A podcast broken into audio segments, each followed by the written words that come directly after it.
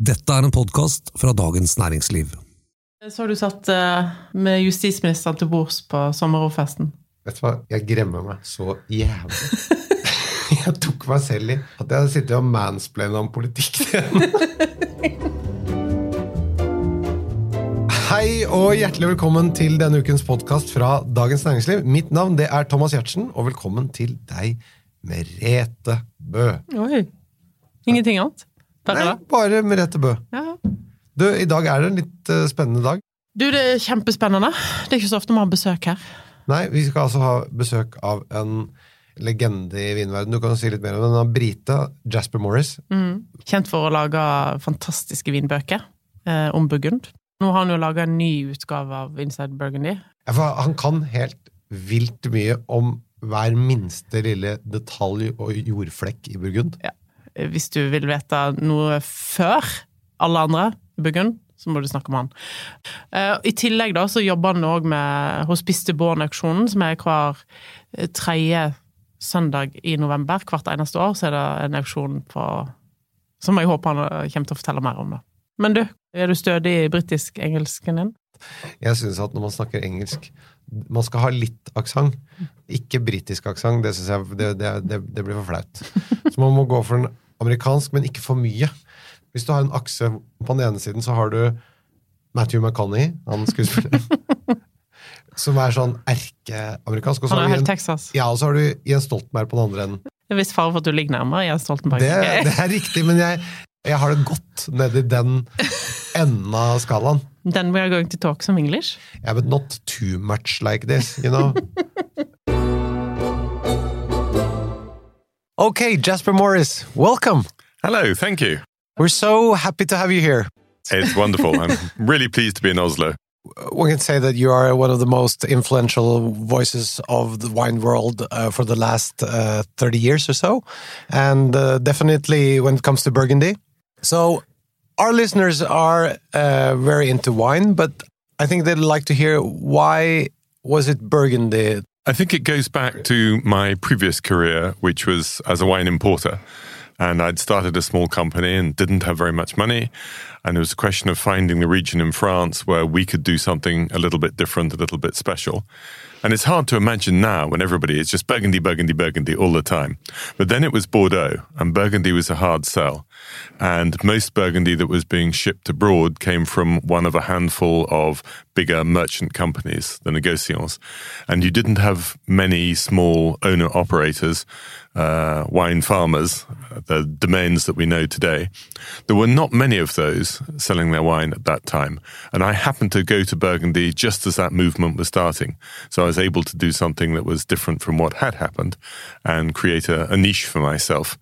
And after 20 years of really fighting, struggling to get these wines sold, there was a short period of about four or five years when everything was in balance. And now suddenly all the demand is there and they can't increase the production. So well, be careful what you wish for. Do you have a, a sort of a, a special moment that you think of that was your first Burgundy moment that you Not really. It was more about that first trip when I just happened to meet some truly special people. There was a lady called Becky Wasserman, who's sadly no longer with us, but she was so influential and so helpful, whether to uh, importers or to uh, critics or to uh, producers themselves. Really special person. And I'd been given an introduction to her, and uh, she organized some visits for me. And uh, the first I went to, the first two I went to were two of the great, great names of white wine production. So uh, Domaine des Comtes Lafon, Dominique Lafon, and uh, Jean-François Coche-Dury. Okay. Who, uh, so you, you need you need to be rich these days to to get those wines, but uh, uh, they weren't being shipped around the world at that point. And uh, so when I went to see Lafon, I met uh, Dominique Lafon, who's almost exactly my age. We got on really well, and that was sort of the starting point for me. When was this? This was uh, 1981, end of 1981. Yeah. So I was able to buy some 1978s and 79s from Lafon. Uh, and the prices for those bottles at that time? I don't remember exactly what I paid for them, but uh, I do remember selling some 1979. I just met the chap. He was a buyer for one of the um, Oxford colleges, and uh, I knew I was going to meet him again. And I checked back in some old correspondence, and I sold him 10 dozen bottles at 130 pounds uh, a dozen. Now, nowadays, I'd probably only be able to allocate somebody three bottles and it would be more than 130 pounds for a single bottle. uh, so things moved on. Before you came, we, we also talked about your book uh, mm. that came out in a, a, new edition. From what I heard, uh, that you are now a bit more um, uh, sort of free to write even more freely about yes. the, the, the, producers and and also the, the, the vineyards of Burgundy now. That, that's right, because the first edition came out while I was still a, a, practicing wine merchant. I'd sold my business to a long established English company, Berry Brothers, and I was working for them. So it's a little bit tricky to be writing about producers uh, when you actually have a commercial interest. And so I had to be very uh, clear and very careful about not having uh, an obvious conflict of interest. So uh, I wasn't going to say anything nasty about anybody. it, was, it was more factual about how people did things rather than saying, this is the best producer.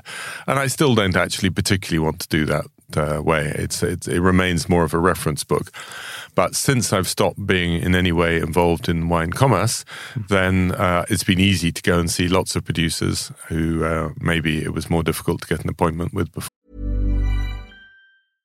Hey, I'm Ryan Reynolds. At Mint Mobile, we like to do the opposite of what Big Wireless does. They charge you a lot, we charge you a little. So naturally, when they announced they'd be raising their prices due to inflation, we decided to deflate our prices due to not hating you.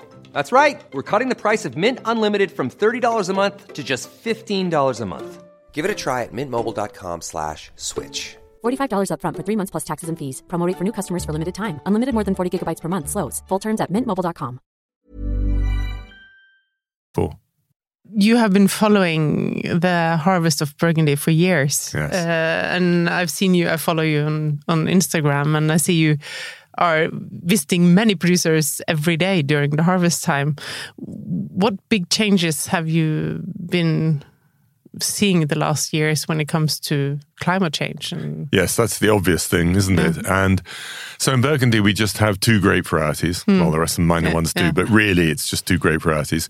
Chardonnay for white, mm. which we know can grow successfully in all sorts of different climates.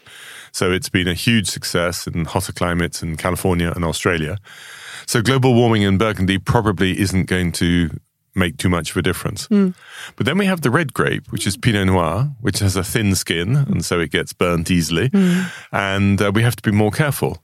Just at the moment, it's all right. So instead of having three unripe vintages and one ripe one, we now have um, three ripe vintages and one overripe, mm. if you like.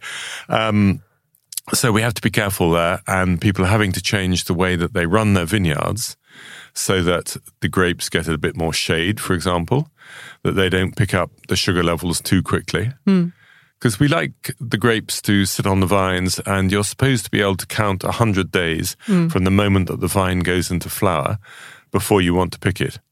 And a year like 2018, that got cut down to about 80, 85 days. Yeah. And that means that there's not really time for everything to develop in the grape that you want. Mm. Now, we've just had another hot dry vintage in 2022. Yeah. You will have had it here and everywhere in Europe. Mm.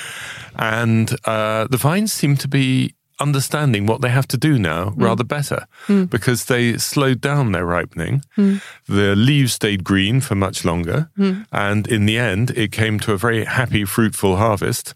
Um, still very early at the end of August, mm. but everything feels as though it's better balanced now than when we first started getting these hot, dry mm. years.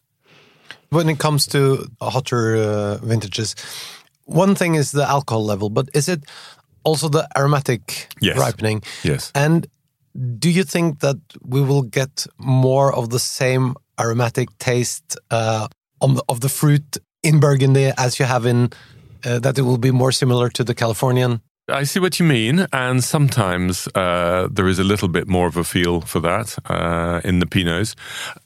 I think the simplest way to look at ripeness in fruit is to say you can have three colors of the fruit black, red, and green.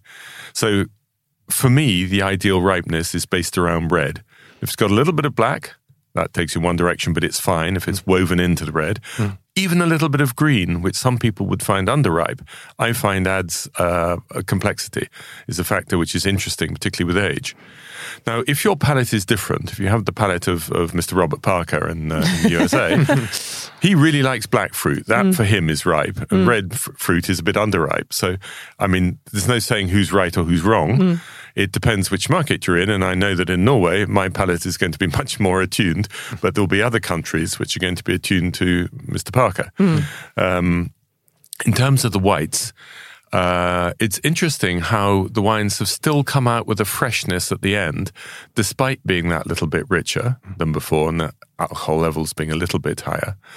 Um, and then there's also been more of a movement in how people make wine to try to make wines uh, fresher. So there's always a buzzword that lasts for about two years. So it was mineral. We were looking for minerality in our wines.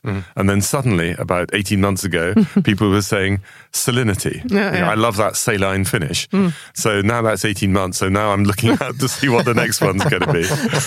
Uh, but we like a bit of tension in our white wines rather than having them too soft and rounded and, and flabby. Is it some of the sub-regions that you think now are becoming more interesting because of the or after the the yes. warmer? Yes, I think that's right. You have some villages. I hate calling them minor villages, but they're the ones which fetch less money, shall we say. So, in an area like the Côte de Beaune, just south of the city of Beaune, you would have villages like Monthelie and Auxey-Duresses and Saint-Romain. Nice wines, but uh, on the whole, not considered in the same uh, category as the great names of Puligny Montrachet or Volnay or Pommard. Um, now, with uh, the extra uh, ripeness, the extra warming, those wines are becoming more interesting.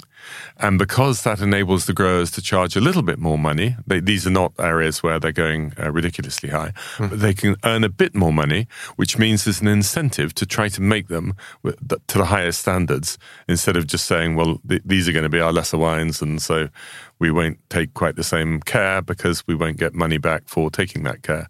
But now you've got several small growers in these villages who wouldn't have been considered as first rate winemakers before, but they are putting so much effort into it, and um, you know your your jaw drops sometimes when you see uh, people making magical wines from these previously lesser known areas. You touched upon the, the vintage of 22. Yes. How was the volume, as you could see today? Do you know anything about the volume of 22? And Yeah, so the odd thing about 2022 is having been hot and dry, yeah, you would expect it to be a low yield. yeah, You wouldn't expect much juice inside the berries. But it rained in the winter, hmm. and the vines have got nice deep hmm. roots that they can take advantage of that. And it rained quite heavily at the end of June, only for a short space of time, for hmm. no more than a week. But somehow or other, that has provided enough water. So when everybody came to the harvest, they could see that there were plenty of grapes. Uh, they weren't big because it hadn't rained much since, so they'd stayed quite small. But uh, the question was going to be would there be juice inside? And you only know when you get the grapes back to the winery and you start pressing them, and out came lots of lovely juice. um, but because the berries themselves are quite small, it means there's a good ratio of the skin, which is where the flavor is, and various other things as well. But we'll say flavor for now, and the juice together. So it looks it looks as though we may have something really rather amazing hmm. in that we've got a very good quantity, hmm. not excessive, except there will always be a few greedy farmers, hmm. but the people who we care about, the people who are trying to make the best wine, it's not excessive, but it is plentiful. There's no disease at all. So it's clearly going to be at least good. And I hesitate to say it's going to be one of the all-time greats because we have to wait and see. And I, I want to be able to taste the wines in barrel next year and in bottle after that before going that far. But the conditions are there that this could be one of the special ones. because uh, when you go back to the 80s and you see now that it's so hard to get a few bottles of great Burgundy. Uh, so uh, a small vintage again will rise the prices. And what do you think about the prices in 2022? It's, I know it's hard to say, but Uh, and it is too early because, in fact, they mostly will not yet have declared their prices Yeah, for 2021, Yeah. which is a very short vintage, Yeah. one of the smallest ever. Well, for a very long time. Yeah. And uh, so what happens is because you declare your prices in Burgundy later than, let's say, the people in Bordeaux mm. do, you know what you've got from your next harvest. Mm. So when they declared the prices for 2020, which is a very nice vintage, mm. they put them up quite a lot because they knew they had to compensate for the following year when the crop would be so small. And the idea is that the price would stay the same for 2021. It may or it may not. and then um, after that, 2022, big crop. It would be lovely to think that prices will come down. But uh, the problem is not so much on the supply side, but on the demand side. And, uh, you know, we've done our job too well over the years, and now everybody wants Burgundy in every market. Could you ever foresee that in the 80s and the 90s also that Burgundy will would become what it is today? No, I didn't imagine No. that degree of uh, success and No. demand and delight in the wines of Burgundy. But I did hope that um, we could actually get it recognized as being back in a good place. Yeah. Because when I started out, um, the wines which had been made over the previous few years, Burgundy was not in a good place. The vineyards had suffered from too much chemical farming. Of course, now we might criticize people for having done that, but it seemed to be the wonderful solution at the mm, time. Mm. It seemed to be that if you could use fertilizers and you could use chemicals to make sure you didn't have weeds and pests and diseases, mm. it, it looked like win win. And only subsequently did we discover that it damaged the balance of the soil. And um, we went through a period in which the wines were clearly a little bit below, definitely below where they should be. And I marked the turning, turning point as 1985, Yeah. partly because that happened to be a very good vintage. Yeah. But it was, that was around the time that people had started to make much better decisions, and you were just beginning to see the results in the wines. And through the 90s, it was a lovely decade for uh, the wines of Burgundy, the 90s. Uh, that's when it really took root.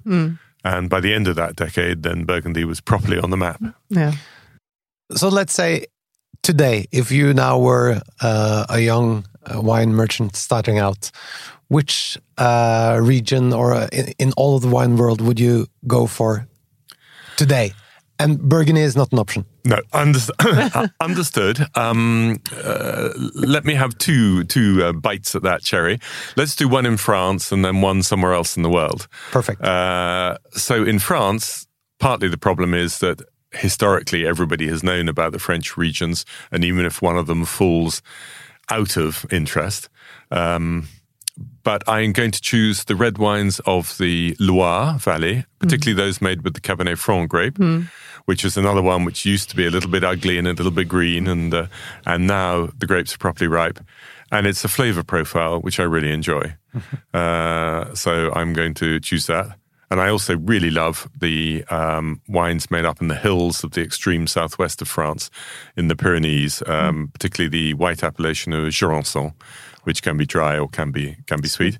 Uh, but there is a personality in those wines which I find rather exciting. Where to go elsewhere in the world?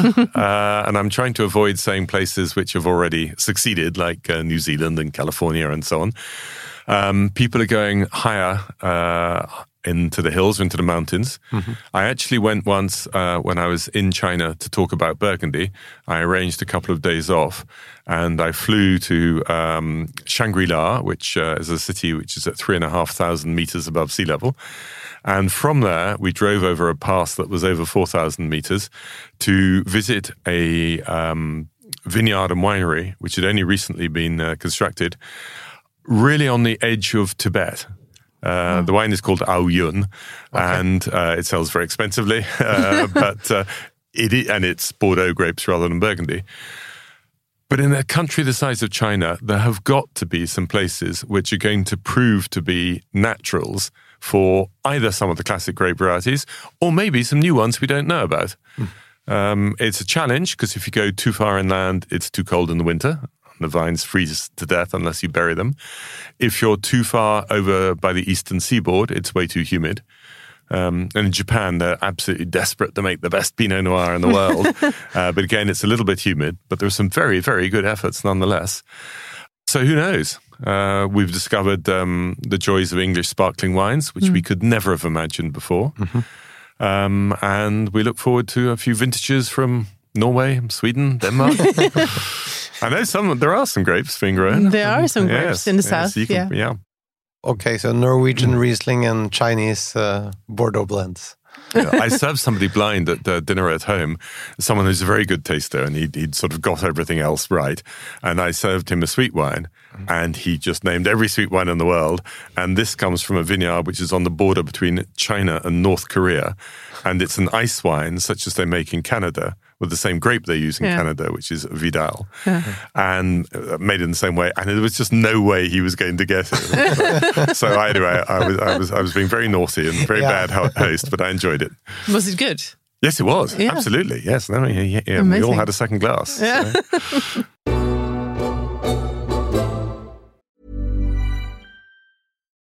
One size fits all seems like a good idea for clothes until you try them on. Same goes for healthcare. That's why United Healthcare offers flexible, budget friendly coverage for medical, vision, dental, and more. Learn more at uh1.com.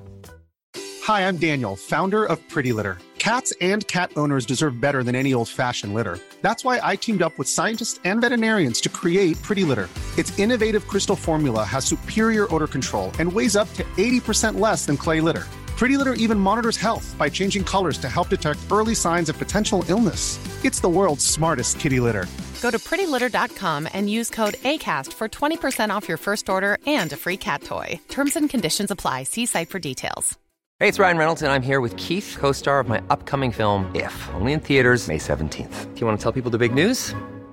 All right, I'll do it. Sign up now and you'll get unlimited for $15 a month and six months of Paramount Plus Essential Plan on us. Mintmobile.com slash switch. Upfront payment of $45 equivalent to $15 per month. Unlimited over 40 gigabytes per month. Face lower speeds. Videos at 480p. Active Mint customers by 531.24 get six months of Paramount Plus Essential Plan. Auto renews after six months. Offer ends May 31st, 2024. Separate Paramount Plus registration required. Terms and conditions apply if rated PG. Are there any producers of Burgundy that you recently tasted that you think, wow, you got to try this? Yes, uh, I keep finding uh, uh, new people. I'm actually deliberately trying to do that because, in a sense, the world knows about Romanée-Conti. I believe even you know about Romanée-Conti. and that you have maybe had a glass in the vineyards. Yeah. You lucky people. And it's boring in a sense uh, if, you- if you just keep going back to the, the grand classics. It's true. So I have um, been around in some of these smaller villages. Uh, there's a domain called uh, Buisson in Saint-Romain, uh, equal amounts of red and white. And these people, they're, they're experimenting in so many different ways. They're working so hard in the vineyards, where um, we all say the same thing time and time again that quality wine is made in the vineyards first, and then you just have to avoid messing it up when you get it back to the cellar.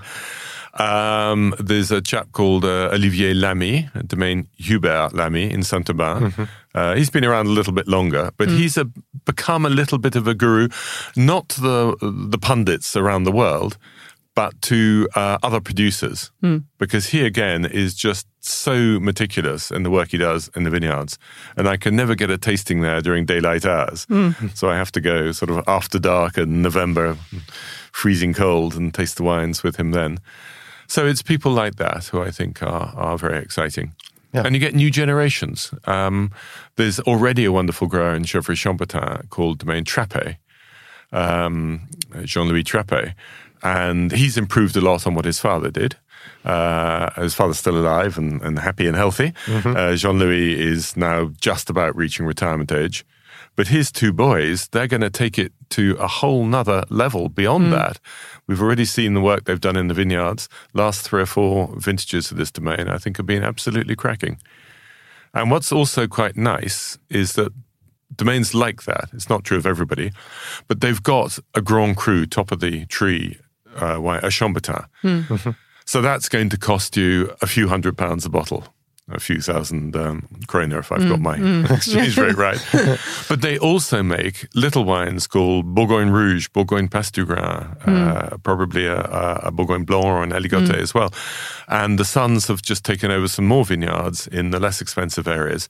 So you can get the genius of these people for not very much money if you're happy to go with these less famous appellations. Hmm. And the thing that gives me so much pleasure it's absolutely the key for me. It's not about how famous the vineyard is, how expensive the wine might be, but you can taste a wine. And when you put it in your mouth, you just feel this big grin coming over your face because you realize that that particular wine has been made as well as that particular wine could be made.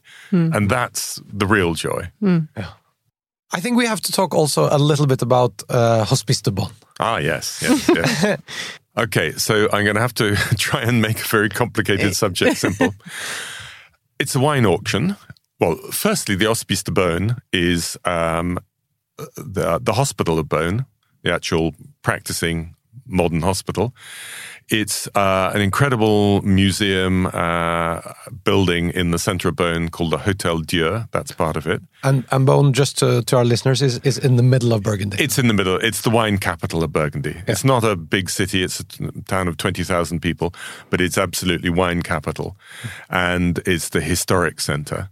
And this idea of the Hospice de Beaune, it was founded in 1443 by the Chancellor of the Duchy of Burgundy at the time. And he'd spent most of his life um, raiding money from people and being very rapacious on behalf of his uh, his lord, the Duke. Uh, and suddenly he thought, time's getting on, and I need to put myself in a in a better position from karma point of view. uh, and and so he founded this hospital for the poor, which was a new idea then, because only the rich people got treated, and the poor, if they were ill, they died. So he started this hospital for the poor um, and the old and the, and children, sick children, and it's continued to this day. But it's funded over the years by charitable donations, which were quite often of vineyards. So they now have a, uh, a vineyard holding of um 60 hectares, something like that, which makes them one of the bigger individual producers in, in the region. It's still not vast, but it's bigger. And each year, their own team of um, grape growers, of vignerons, will do the work in the vineyards. And then there is a, a terrific person. She's called Ludovine Griveau, and she's the general manager or winemaker at the winery of the Hospice de Beaune. So she sets the rules for these grape growers to, to work with. They deliver to her the grapes from each vineyard on the day that she says. She turns them into wine, so that's happening now for the 2022 crop. And then in November of the same year, so the third Sunday in November, it's a big festival in Beaune. People come from all around the world. Uh, it's party time for, for the city. Uh, and they hold on the Sunday an auction in which the wine is sold off, but barrel by barrel. You think the word's wine auction and you think it could be three bottles of this or a case of 12 of that. But no, this is barrel after barrel. And you can be a private individual, you can be one of the local Beaune merchants, or you can be an importer and say, okay, I'm going to have a barrel of that, or even five barrels of that. And a barrel will get you 288 bottles. And after all, of good wine, that's not going to last you long, is it? I mean, uh, you and your friends can polish off 288 bottles in a, a reasonable space of time. And they, they make these lovely wines, all of which come with this presentation. Um, so we have a particular label that looks the same for every wine, apart from the the name of the particular vineyard, mm-hmm. obviously the vintage. It will have the name of the merchant who you've chosen to do the rest of the what they call the élevage, the maturing of the wine. She d- makes the wine and then. But she doesn't do the aging of it. Okay. So in November, the barrels are sold. Mm-hmm. And then over the next couple of months, you specify, you say, I want this person to take charge of the rest of the life of the wine before it's bottled. So the aging in barrel and then the bottling. So finally, on the label, you'll have the name of the wine, you'll have the name of the person who's done that aging, and you can have your own name. Or the name of your favorite cat or dog or whatever it might happen to be. So you can buy a barrel for uh, an anniversary, for a new child or new grandchild who's on the scene this year. uh, and they've got something special with, with their name on it. How much uh, does it count the, the person that you ask to be in charge uh, for the last uh, caretaking of the wine and the bottling? And Okay, so it's not absolutely crucial to the wine because that was happened in the vineyard hmm. plus in mm-hmm. the winemaking. Yeah. But there will be a difference. You also get a sort of an extra little bit of kudos if it's a well-known name who's hmm. made it. It makes the whole thing feel that little bit uh, smarter. Uh, but yes, the, there is a choice there, and you have one or two people who really specialize. They don't make wine, but they are specialists in doing this aging. And if you talk to them, they're absolutely convinced how hmm. important it is. And uh, I have a friend here who's uh, an importer in, in Norway, and he last year, um, when he bought two two barrels of the same wine, he's actually got two different people to do the maturing. So afterwards, he's going to be able to have a little tasting. Uh, with all his friends and customers between exactly the same wine, and the only difference is that two different people did the maturing. oh, that's interesting. Is it also uh, decided uh, in advance what kind of oak uh, Yes. barrels are you going Okay, to so when you buy a barrel, you actually physically you, you could walk out with a barrel under your arm. Uh, so uh, uh, physically, you bought the barrel. Now that means that the barrel disappears every year, so you have to have a new one each year. So unlike a lot of winemaking, everything actually starts out in 100% new wood, and the Hospices put it out to tender which barrel maker uh, is going to supply the barrels. And originally it would be one for red and one for white. They're now more sophisticated because unfortunately what that meant was only the really big players would have enough barrels to be able to offer that. So now they've divided it up into batches. So the appellation of Pommard, for example, it's a style of wine Pommard which they think might suit one particular barrel maker. So they put it out for tender and they have selected one barrel maker to handle all the Pommard wines. Hmm. And then somebody else will do maybe a Grand Cru and somebody else and so on. Hmm. Has your life been in the wine world as you wanted it to be, or is Oh, it? uh, uh, yeah, absolutely. I mean, even well, No, beyond my beyond my wildest dreams. I mean, my family have always been lawyers, and, and, and I get paid to drink wine. I mean, so so something's gone right. Um, but something which occurred to me just at, by chance uh, a couple of years ago was that drinking wine we think of as a pleasure. I'm sure. But the other thing that occurred to me is actually it gives me happiness, which is slightly different from pleasure. It's it's something which is a, spiritual is too grand a word, but it is something more about your whole life than just pleasure, which is uh, uh, a fleeting moment of enjoyment. Uh, and wine has given me that, and it's intellectually really stimulating. Burgundy in particular, because it's so complex. There are so many different vineyards, so many different producers. But I get a new vintage to play with every year, and all the old vintages keep changing. I mean, we know the weather patterns which cause them to be that, but each time I go back and taste uh, a 2010 now, it's it, each year it's moved on since I first tasted it in barrel in 2011. So uh, I never stop learning. That's And the, there are new the key generations of and new generations coming. exactly yes and now it's not uh, this phrase in french uh, our domain would be so and so um, domaine dupont mm. père et fils mm. father and son. Yeah. Mm. but now it's daughter as often as it is Yeah. son which is great. And you'll keep on doing what you're doing. absolutely. I mean why would you retire from this job? So i thought since we're talking about Pommard mm-hmm. uh, and the barrel maker perhaps we should taste one. So this is a Pommard of a cuvée called Dames de la Charité, who are actually the, the the ladies of charity. So they would have been the nursing sisters, the nuns who were looking after the poor and the old and, and the sick. Um, and it's 2019, and uh, was bought uh, by a Norwegian importer, and so it will appear in the market soon. Okay, And I made him give me a bottle. Uh, it- this will be also on uh, sold in the Monopoly. Yeah, 188 bottles. Uh, no, 288 88, that's bottles right. uh, in uh, November. Oi, Now in November. okay. So it's very, very young, 2019. It's Yeah. one of the recent hotter and a little bit drier um, vintages, but it's one that has so juicy. And I mean, you can tell this is quite a ripe profile, but it's still balanced. It doesn't feel top heavy. It's really on the on the cusp between the red fruit and the black fruit, I think. But Pommard has a reputation for being tough and firm and, and actually a bit disagreeable until it's 15 years old. Yeah. Uh, and it's not true anymore because this is uh, one of the grander names that has really benefited from the global warming. Because it used to be there was too much water in the soil there, and that pumped up into the leaves, and that gave you a little bit of a toughness, tannins they are, uh, in the wine. And yes, the wines were fine, but you really had to age them for such a long time. and now there's less water because it's hotter. Yeah. That the soil is actually perfectly balanced, and so you're getting these more generous wines, which are much more about the fruit now rather than the structure. But isn't it also so that uh, in Pommard it's it's actually two sort of you get two styles of wine because Yes. of the, the Yes, the because there's a little river running through the middle, and Yeah. uh, yes, uh, and this uh, actually this particular cuvee is a blend from both sides. okay. So the, the top vineyard on either side is Rugiens on one side and Epenots on the other side. Yeah. and this has got both of those uh, Okay. in it, so it's the complete deal.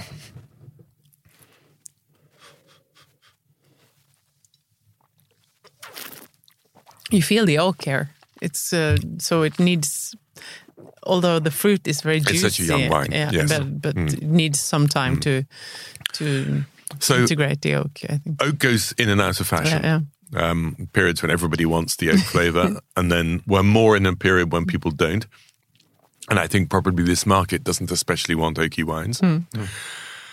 But for me, what matters is whether or not the oak is damaging the fruit. So I don't mind in a young wine if it has a little bit of a new oak flavor, when the real intention is that this wine should be drunk in a few years' time. So it's when the wine is at its um, perfect moment for drinking. That's when you don't want to have uh, any oak flavor. Yeah. I don't mind at this stage. But the other thing is what you're left with at the end of the tasting, it's all about the fruit. Yeah. Whereas badly judged oak will just cut the finish off and it will leave you with a dry flavor in your mouth and no fruit. So I think that one works very well.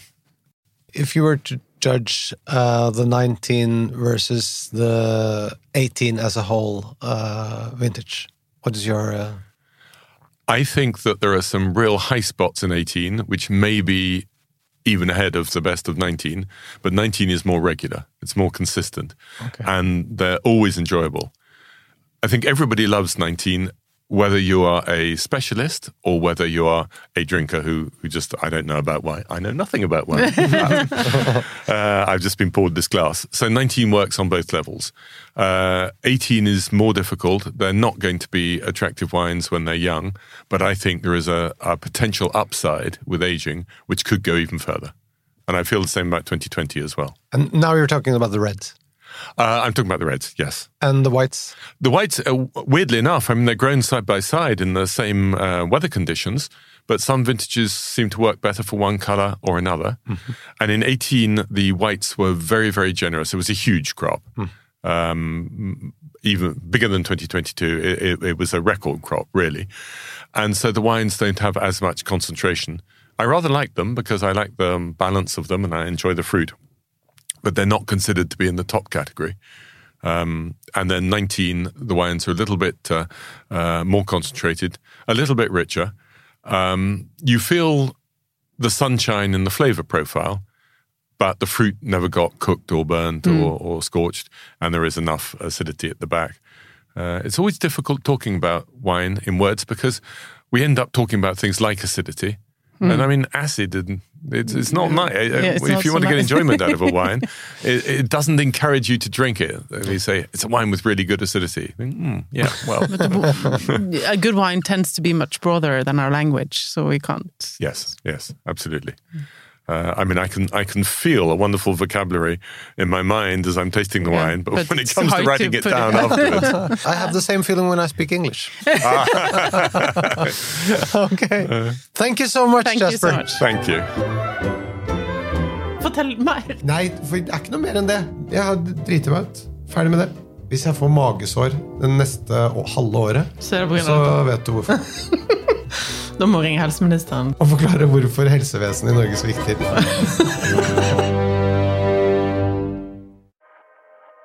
Grunnen til at eh, jeg ringer deg nå, det er at vi er bekymra for hvordan du har det. Ikke det et selvmordsforsøk eller en gisseltagning, If I get the money and the car, I uh, said hostage free. Gjør politiets krise- og gisselforhandlere alt i sin makt for å hindre at mennesker skal dø. Hør podkasten på liv og død fra Dagens Næringsliv. Ever catch yourself eating the same flavorless dinner three days in a row? Dreaming of something better? Well, HelloFresh is your guilt-free dream come true, baby. It's me, Keke Palmer. Let's wake up those taste buds with hot, juicy pecan-crusted chicken or garlic butter shrimp scampi. Mm. Hello Fresh. Stop dreaming of all the delicious possibilities and dig in at HelloFresh.com. Let's get this dinner party started.